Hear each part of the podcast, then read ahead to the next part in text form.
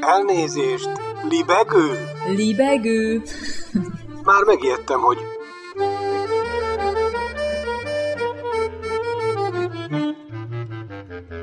Üdvözlöm Önöket!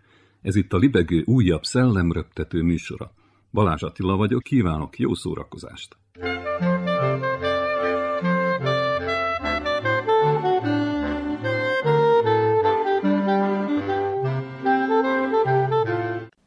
Belgrad Fest End Zajló hónapunk 16. napján a szerb fővárosban véget ért a visszatérés a jövőbe feliratú zászlóval futó, sorrendben 49. Nemzetközi Filmfesztivál. Tíz napig tartott, káprázatos volt az éremhullás, és bár korlátozták a közönség számát, sokaknak, akik bejutottak, ez a közösségi mozizás újra felfedezését jelentette.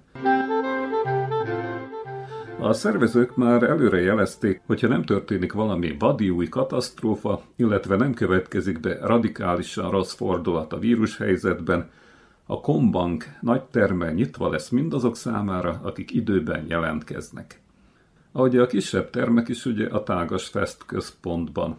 Itt persze nem sok szó esett a szabad bejáratos repi publikumról, Ugyanakkor a külföldi vendégek jó része, manapság szokásos mód, csupán videón keresztül kapcsolódott be az eseménybe. Ez azonban nem sokat vette el az egyre ritkább örömből, szerencsére a talakodás borzalmaiból igen. Egyébként hangsúlyosan elhangzott, hogy a dolog mindössze amolyan bemelegítő, ha minden jól megy, mint egy főpróba a jubiláris 50. fest előtt, amelyet nem csak hangulatában, hanem a méreteiben is méltó módon szeretnének megünnepelni. Erről azonban egyelőre többet nem árultak el az illetékesek, ugyanakkor a statisztikai adatokból kivehető, hogy a mostani rendezvény sem volt éppenséggel aprócska szösszenet. A maga 200 vetítésével, amelyek között játékfilm és dokufilm egyaránt szerepelt, Játékfilm és dokumentumfilm egyaránt szerepelt, nem beszélve a Kentaur alkotásokról, amelyekkel a műfai sokszínűséget igyekeztek biztosítani. And the winner is... And the winner is... And the winner is... Az abszolút győztes Ivan Ikic szerb rendező Oázis című alkotása, a legjobb rendező pedig a német Oscar Roller, aki az aki az Enfant Terrible című filmet, aki az Enfant, aki az Enfant Terrible című filmet rendezte. A legjobb forgatókönyvet az olasz Dinocenzo testvérpáros írta, Damiano és Fábio. Közös alkotásuk címe a Sötét Rege. A legjobb női alakítást a horvát Lana Baric nyújtotta Tereza 37-ben. A legjobb férfi színészi alakítást pedig Nikola Gyuricsko az Erevelemberben. A legjobb belső filmes a török Ercan Kesal, aki a Potenciális Jelölt című alkotást jegyzi. A Fest fókuszában díjnak ugyanakkor a Mákföld rendezője, Román Ozsén Zsebeleanu örvendhet, aki természetesen nem azonos a 91-ben elhunyt híres román költével. Lehet, hogy egy kicsit franciásan ejtettük ki a nevét, de... Tehát a főzsűri, amelyben Igor Györgyevics színész, Dane Komjen és Zakarias Mavroidis rendező, valamint Dubravka Kovjanic színésznő és Ines Tánovics rendezőnő foglalt helyet. Így olvasható ez ebben a sorrendben a Bíráló Bizottság személyeinek hivatalos lajstromával, tehát az oázisnak ítélte oda a fődíjat. Ahogy röviden elhangzott az indoklásban, az alkotás egyedülálló és beleérző mi volt a miatt mindazon embertársak iránt, akik adottságok dolgában nincsenek ugyanazon a startalapon a nagy többséggel.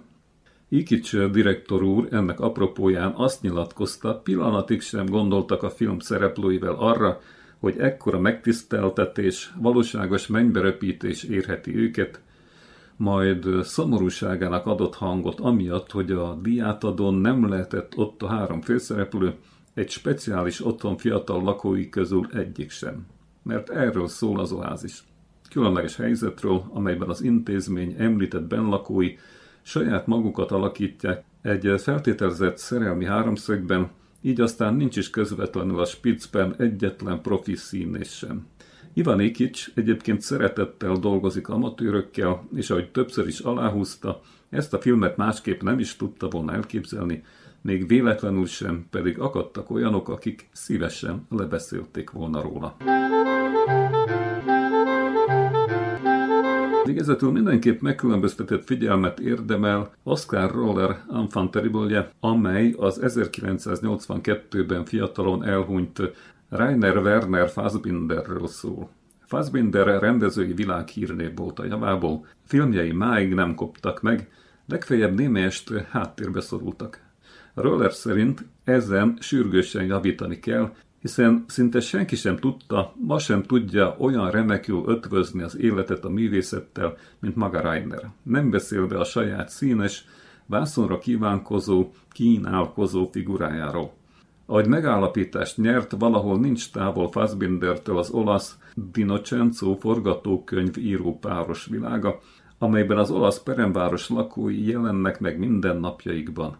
Velük kapcsolatban méltán beszélhetünk az egykori itáliai neorealizmus felmelegítéséről, ugyanakkor valami többről is, ami már kimondottan a napjaink hozadéka.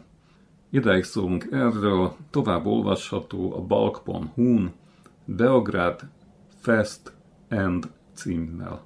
Beograd Fest and.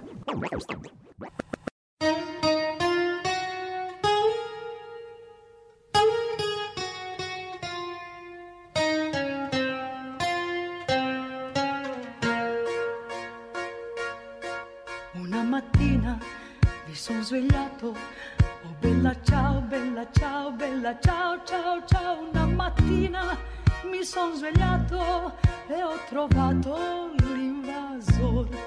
Oh partigiano, portami via. Oh bella ciao, bella ciao, bella ciao, ciao, ciao. Partigiano, portami via, che mi sento di morire. E se io muoio da partigiano, bella ciao, bella ciao, bella ciao, ciao, ciao. E se io muoio da partigiano, tu mi devi seppellire, tu mi devi seppellire. E se io muoio da partigiano, oh bella ciao, bella ciao, bella ciao, ciao,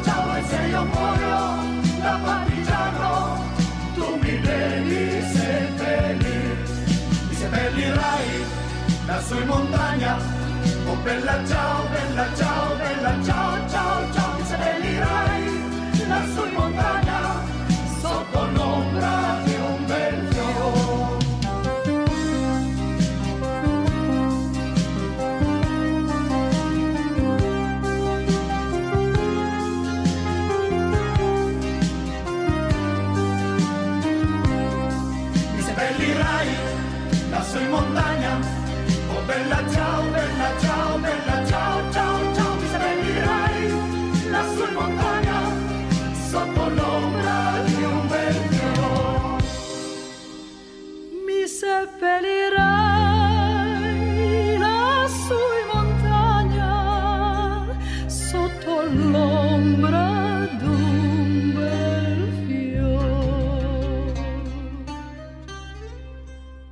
Rövid hírek Svédországból. Rövid hírek, Szeles Judit. A nyugat-svédországi Nordens Ark, azaz észak bárkája, állatkertből elszökött egy rozsomák, vagy más néven torkos borz. A híradások szerint az állat egyszerűen kibontotta a kerítést és meglógott. A környéken dorbézolt, kocsmákban, tavernákban dézsmálta az ott található ennivalót. Előfordult, hogy egy-két lakos éléskamrájába is benézett. Nem kimélte a gyerekek elől eldugdosott csokoládét és chipset sem. Értesüléseink szerint még nem fogták el, pedig az amúri tigris és a ritkán látható hóleopárd már várják vissza a Nordens Arkba.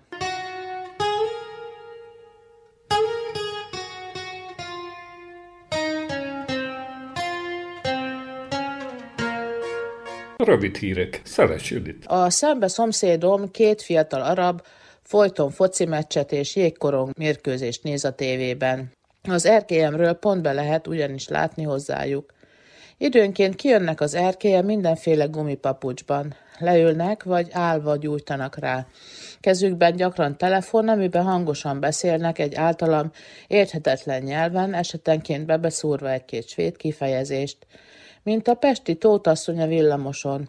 Végig tótul nyomta a társnőjének, akin szintén több rétegű szoknya volt. Aztán a tirádájának végén odabígyeztette a világ legtermészetesebb hangordozásában, töltött káposzta. Így.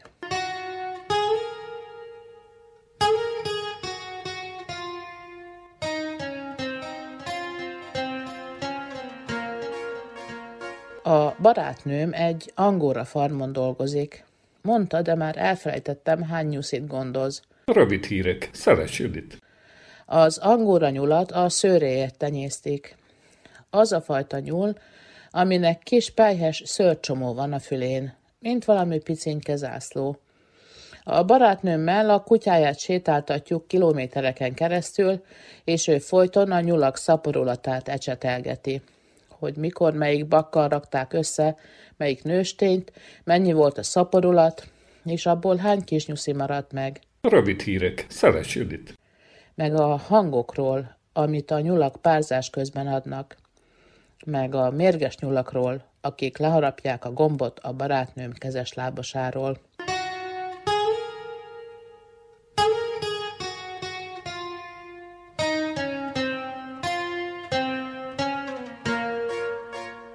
Az Eurovíziós Dalfesztivál minden évben nagy népünnepés Svédországban.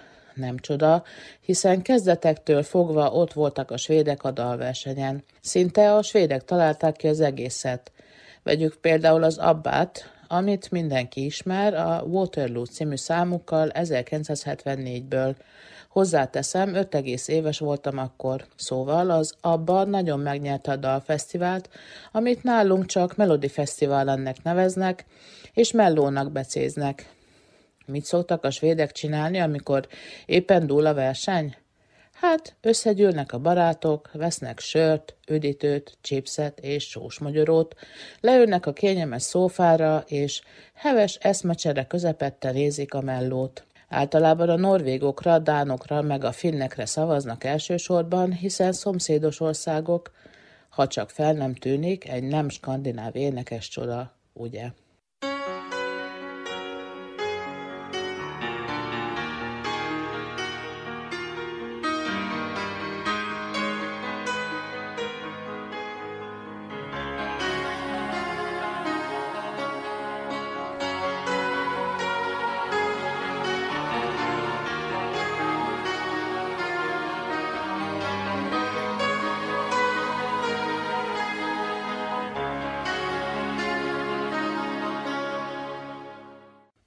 Göteborgi barátnőmet veri a barátja. Nekem nem mondja, csak azt, hogy már megint elesett és beverte a fejét. Persze egyszer valahogy mégis elmondta, hogy a barát lökte neki a radiátornak. Hozzáteszem, művelt, iskolázott ember mind a kettő.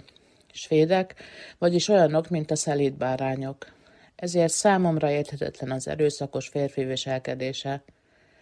Sajnálom a barátnőmet, és százszor mondtam már neki, hogy hagyja ott a pasast, de szerintem Stockholm szindrómától szenved. Vagyis olyan erős a függés, hogy minél jobban megalázza a férfi, annál inkább nem tud tőle elmenni. Túlszul ejtette, a barátnő meg azt hiszi szerelmes. A családon és párkapcsolatokon belüli erőszak sokszor rejtve marad még a szociálisan nagyon fejlett és érzékeny Svédországban is. Nem megengedett, hogy a gyereknek adjanak egy fülest, vagy a férj meglöki az asszonyt. De hogy derülne ez ki? Nem beszélnek róla. Ha valaki kívülálló nem veszi észre sokszor véletlenül, a baj rejtve marad. I don't wanna talk about things we've gone through, though it's hurting me. Now it's history. I played all my cards, and that's what you've done too. Nothing more to say, no more race to play. Az iskola melletti pizzériát átvette az egyik helyi kurtklán. De szerencsére nem változtatták meg a személyzetet és a választékot, ezért továbbra is oda járok. A közeli kisboltot meg megvette egy másik kurtklán. Ez a két intézmény 500 méterre lehet egymástól. A kisboltot Idrész a tulaj átalakította, lecsökkentette az addigi szerény áruválasztékot, és a bolt feléből pizzéria lett. Hogy vevőket szerezzenek, 20 koronával lenyomták a pizza árát, mire az én pizzériám még 20 kevesebbért kezdte árulni a, azt a diákoknak. Ugyanis iskola van a két neves kurd intézmény között. A számháború a mai napig tart, de én, mivel hűséges vásárló vagyok, nem a kisboltban eszem a pizzát. Szeress Judit! The loser standing small beside the victory.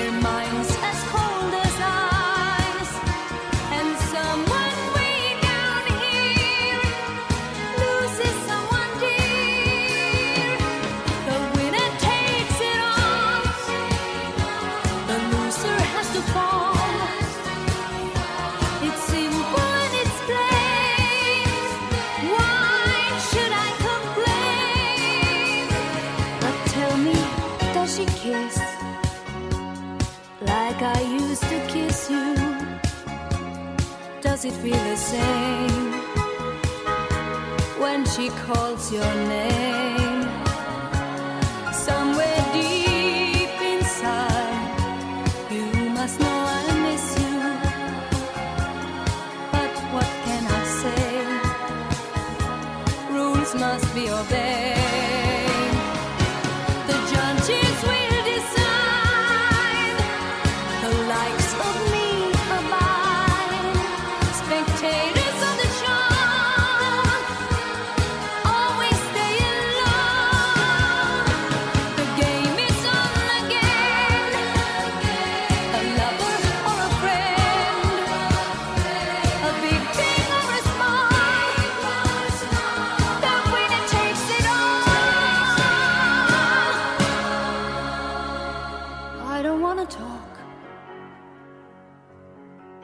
If it makes you feel sad, and I understand.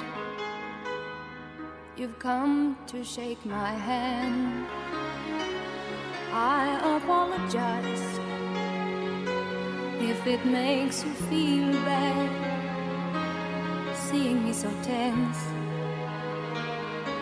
no self confidence. But you see, the winner takes it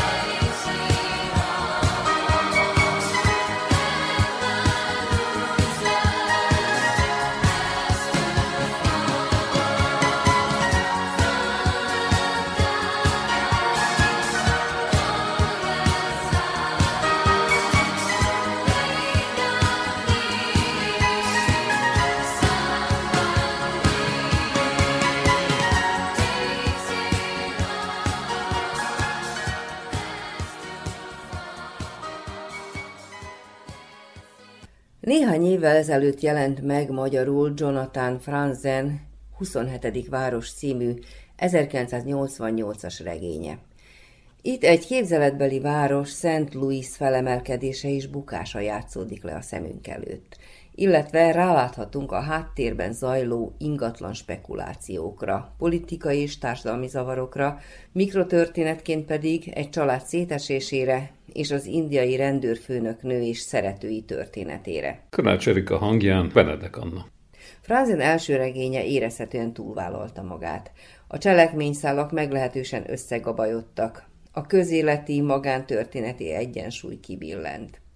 Ha azonban az eredeti megjelenés idejét 1988 nézzük, jól látható, hogyan épült fel ezeken a romokon a későbbi Franzen próza. Karács Erika hangján Benedek Anna. Hogy került egyensúlyba a kétféle történet? Az egy-egy kiválasztott szereplő és egy-egy globális méretű probléma át meg áttükröztetése egymásban. Ez a kronologikusság annyiból lehet érdekes Rusdinál, hogy itt a Goldenház esetében az a jellegzetes hang, ami Rusdi történeteinek védjegye, már nem igazán működik. A történet annyira szétaprózódik, olyan sokféle problémát, hangot, narrációs technikát vegyít, hogy ezek egy idő után egymás ellenében kezdenek hatni. Például az identitás problémája nem, hogy árnyaltabbá, de inkább lila kuszasággá, úri passzióvá válik. Rusdi regényének nagy erénye számomra, hogy a jelenre koncentrál, és itt a legkonkrétabb közelmúltra 2016 legvégére gondoljunk. Jó lenne, ha ilyesmi megjelenne a kortás magyar irodalomban is, nem csak eszék, tárcák, vagy ritkán novellák, vagy közéleti versek soraiban, hanem regényekben is. Az elmúlt nyolc év eseményeit nem mellesleg az ezt az időszakot lezáró nagy amerikai sokkot, Trump megválasztását vizsgálja a szerző a New Yorki kulturális elit meg annyi szereplője, és a bevándorló ismeretlen hátterű muzulmán és orosz milliárdosok szemszögéből. A regény egyik fontos feladata, hogy megpróbálja megfejteni, milyen okok vezethettek a könyvbeli Joker megválasztásához. A Golden Ház azonban nem csak politikai tabló, sőt elsősorban nem az szeretne lenni, sokkal inkább családregény. Ennek érdekében jó diák módjára végig is szalad velünk a világ dinasztia történetein. A görög mitológia családregényeitől indulunk, a 19.-20. század nagy regényeit, mondjuk a szép fiút vagy a vörös és feketét érintjük, kicsit szippantunk a Buddenbrock házból, és elérkezünk a jelen Royal Tenenbaumjaihoz. Kérdés, hogy hozzátesz-e valamit a Golden háza műfajhoz. A történet. A New Yorkban található titokzatos Gardensbe új család költözik. A magukat Goldennek nevező klán a kert egyik romos palotáját veszi birtokba. A család egy eleinte megnevezhetetlen városból, később kiderül, hogy Mumbairól van szó, menekül ide a tekintélyes és gazdag családfő, Nero vezetésével. Nérót három fia kíséri. Az Aspergeres videójáték programozó zseni, Petya, a kissé csapodár, de tehetséges költő, Apuleius és a szépséges, de fiúlány identitásának bonyodalmaiba belecsavarodó D, mint Dionysos. A Gardens egyik régi családja a belga akadémikus házaspár és fiúk, a Vannabe filmrendező René, aki egyébként megfigyelő voyeurként, másrészt a valóságot továbbbíró alkotónként meséli el a történetet. Tulajdonképpen René első monológiából kiderül, hogy maga a narrátori pozíció is bizonytalan entitás. Nem mindig lehet tudni róla, mikor rugaszkodik el a kézzelfogható valóságtól. René szerepét sokan, mint az elbeszélői pozíció bizonytalanságaira reflektáló írói gesztust értékelik. Ugyanakkor ez a hol belülről, hol kívülről, felülről szemlélő, mesélő pont annyira lesz súlytalan és megfoghatatlan, és unalmasan nyakatekert, mint sok helyen maga a történet. Sokat akar, de keveset fog. Ha nagyon rossz indulatúan leegyszerűsítem a dolgokat. René mesélő technikái a filmes elbeszélésmódot idézik. Hol forgatókönyvet, hol dramatizált párbeszéd töredékeket, néha monológokat, összefoglaló skripteket épít a történetbe. Ez a műfaji sokféleség megint messzire vezet.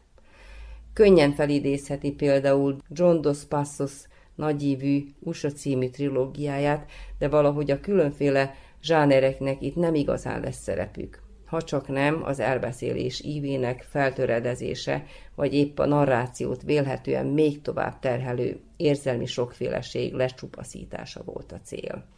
Hiába vonul fel a szemünk előtt több tucat szereplő. Különféle izgalmas karakterek a feltörekvő szibériai luxusnőtől az indiai maffiózón át a szomáliai sztárszobrászig és az ausztrál hipnotizőr life coachig igazából senkit sem sikerül megismernünk. Egy-egy pillanatra rálátunk saját életcsapdájukra, de egyik problémát sem látjuk elég mélyen. Nem érezni a súlyukat, nem látni a megoldásokat és a személyes tragédiák mélységeit sem. Látjuk a Golden fiúkat a vesztükbe rohanni, mint egy görög sors tragédiában. Látjuk az Identitás Múzeumát vezető kurátor Ria saját tragédiáját felvillanni. Egy-egy filmkockán feltűnik a kortás amerikai képzőművészet egy sor fontos alakja névvel és név nélkül. Ott vannak a kissé tétován csetlő botló René szülők egy pillanatig a szemünk előtt. Meg annyi tragédia, de egyik sem üti át az inger küszöbünket. Ha ez a családregény épp a szétszálazást, az elmesélhetetlenséget célozná, talán nem panaszkodnék. De itt az egyes szálas csak a levegőben maradnak, mint a tétován épp elrejteni őket a mesélő, mert nincs kedve sokat agyalni a folytatáson. Megint csak rendben lenne ez, ha nem épp a folytatásra, a furcsa családtörténet folytathatóságára futnak ki a történetünk. Így azonban egy felbomló szövetet, egy kissé használt rongyszőnyeget kapunk magunk elé, repüljünk, amíg tudunk vele.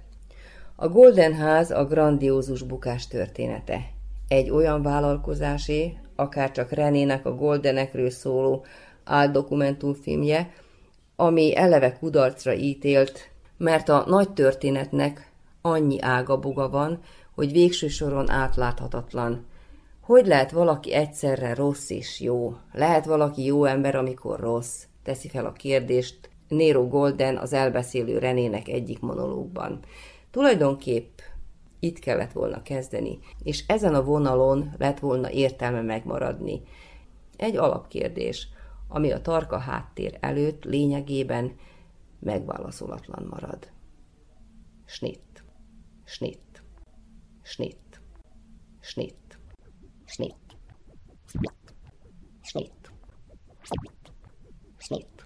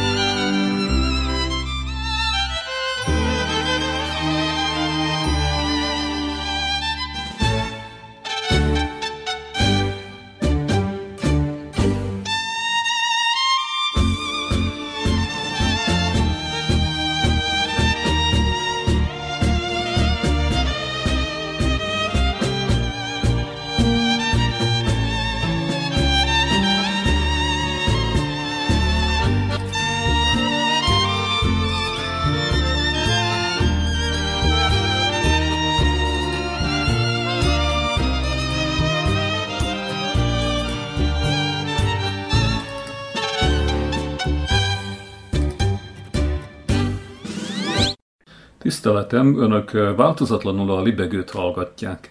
Fenyvesi Otto 66 című könyvéből a szerző tolmácsolásában.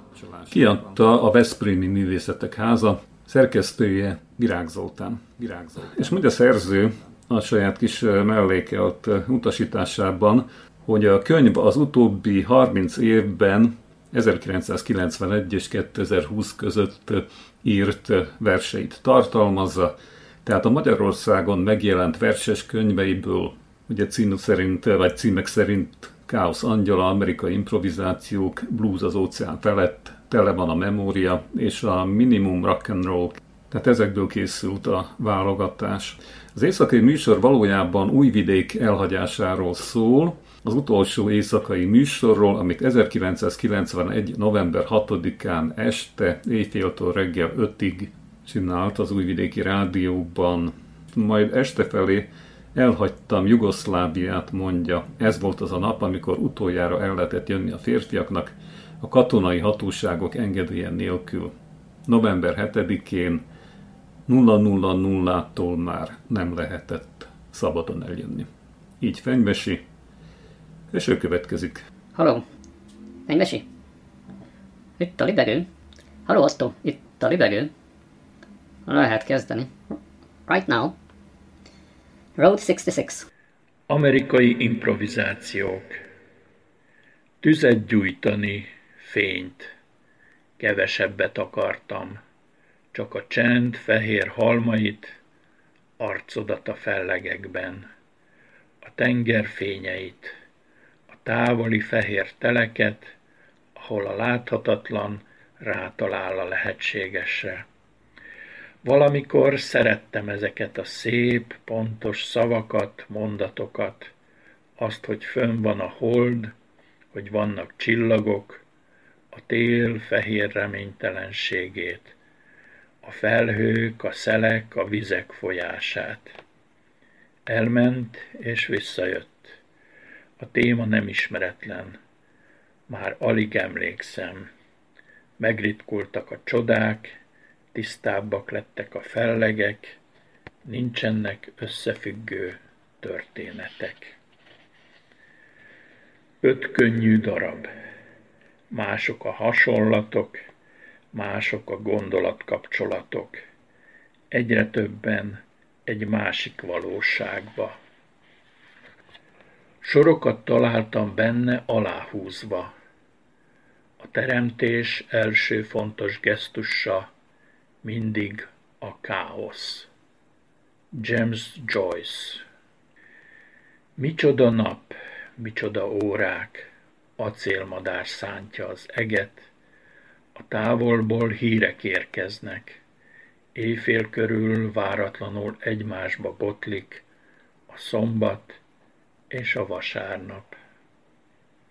Bomlik a szürkület, szent közönnyel árad a lég, a lilára fagyott fellegek hátán. Egyszer csak megérkezünk egy ismeretlen földrészre, egy távoli, elérhetetlen világba, egy ismeretlen városba, ahol majd megment bennünket a szerelem.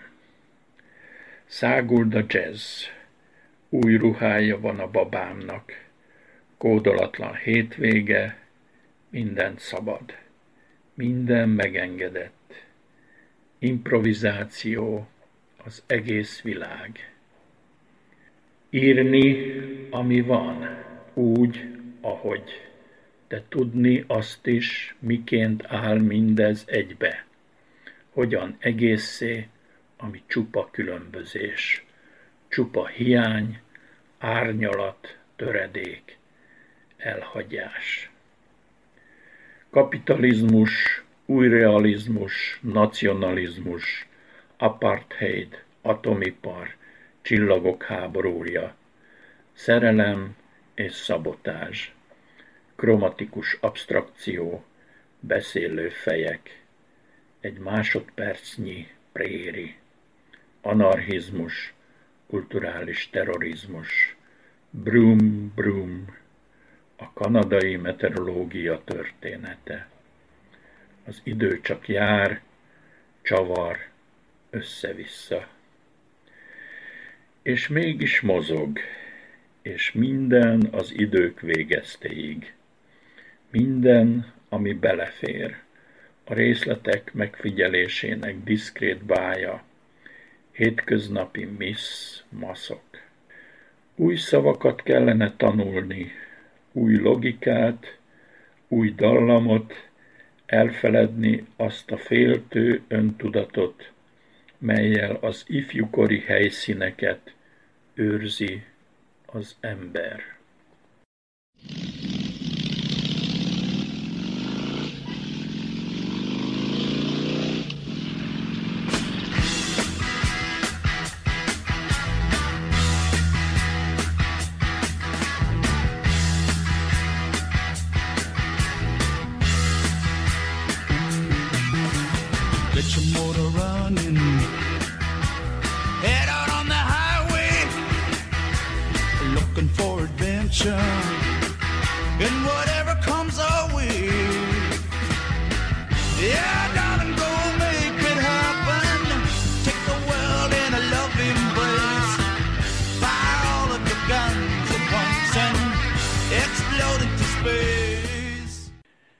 Éjszakai műsor Marton László távolodónak Füstöl a víz, nem hallani semmit.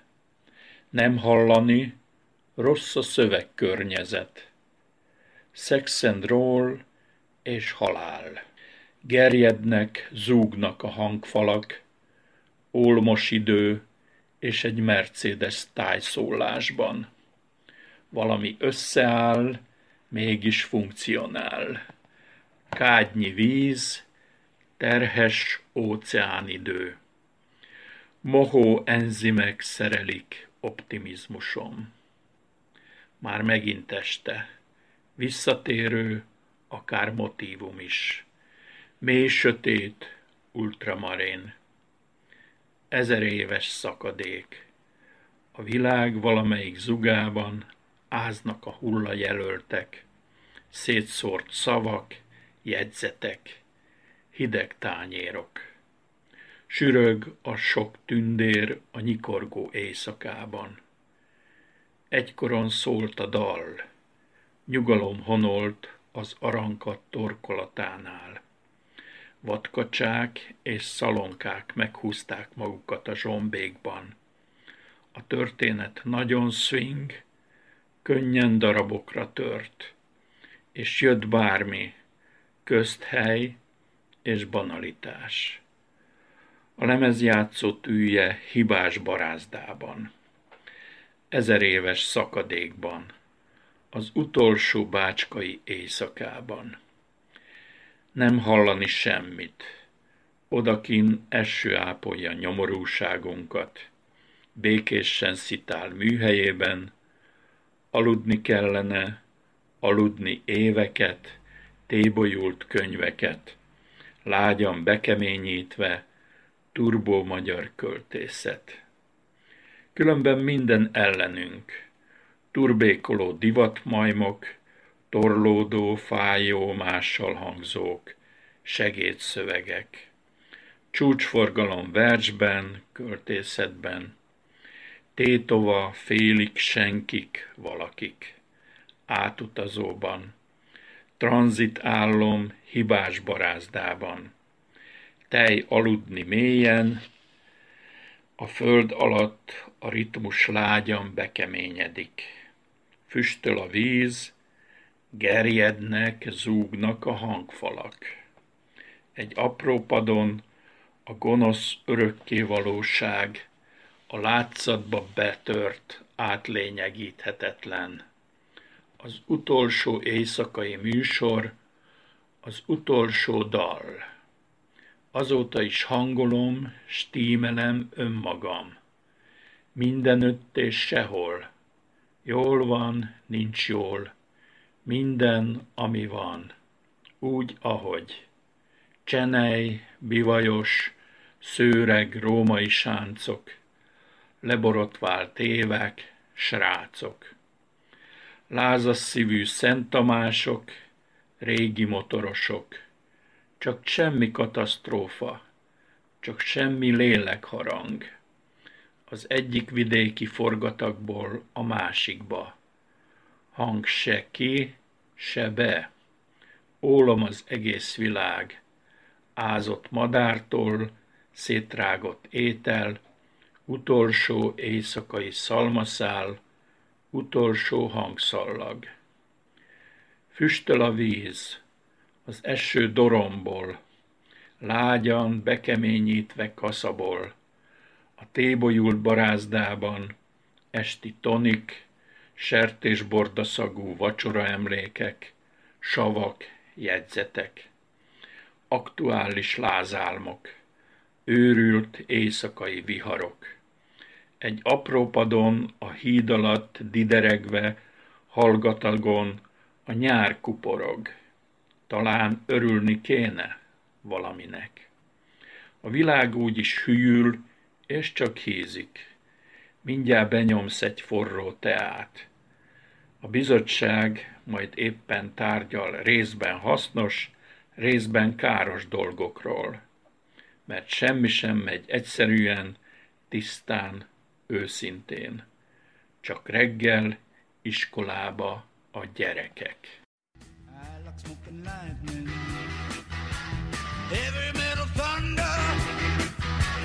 racing with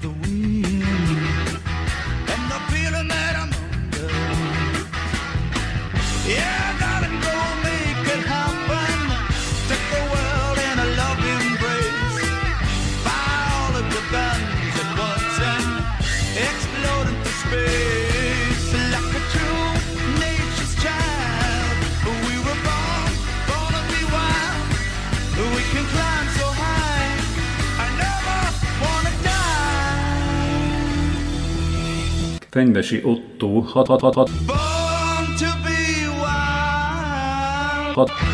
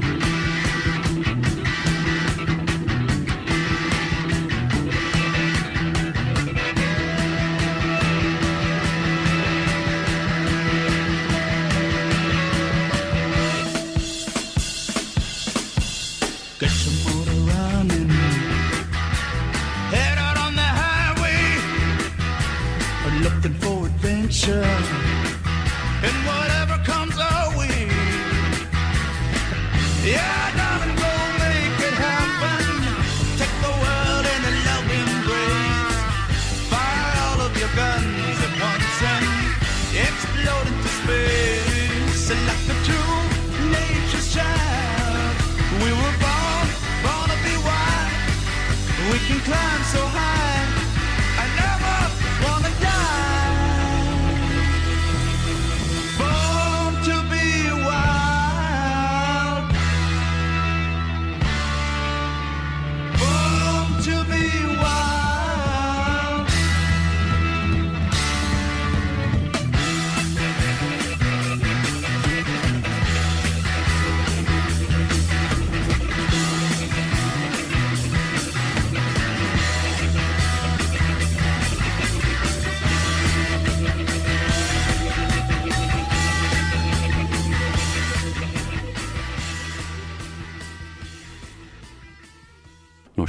nagy ötlet egy könyvnek a hátlapjáról idézni, én mégis megteszem, mert annyira tetszik. Ön bizonyára ezzel a gondolattal lépett be a könyvesboltba, bárcsak lenne egy könyv, amelyben magyar nyelvi leleményekre épülő minivígjátékok, fenomenális képregényváltozatai, brilliáns humorú, rajzos, fotós tréfák garmadája, sziporkázóan szellemes mesék, okfejtések és ismertetők miriádja, és vicces rejtvények özene szerepelnek, meg egy rövid novella. Jó lenne, ha az egészet ez a szimpatikus Galla Miklós írta volna. A szimpatikus Galla Miklós itt ül velem szemben, és éppen erről a könyvről beszélünk. Ezt a könnyű műhajat vajon az örökké valóság súlyos kívánalma hozta létre? Igen, a könyv fönnmarad évszázadokon át, és azt remélem, hogy ez a sok kis etűd, amely a könyvemben jelen van, és valójában tartalmilag, tematikailag nem függ össze, ezt mondjuk el, hogy nem összefüggő regényt írtam, de talán ez a bevezetődből is kiderült.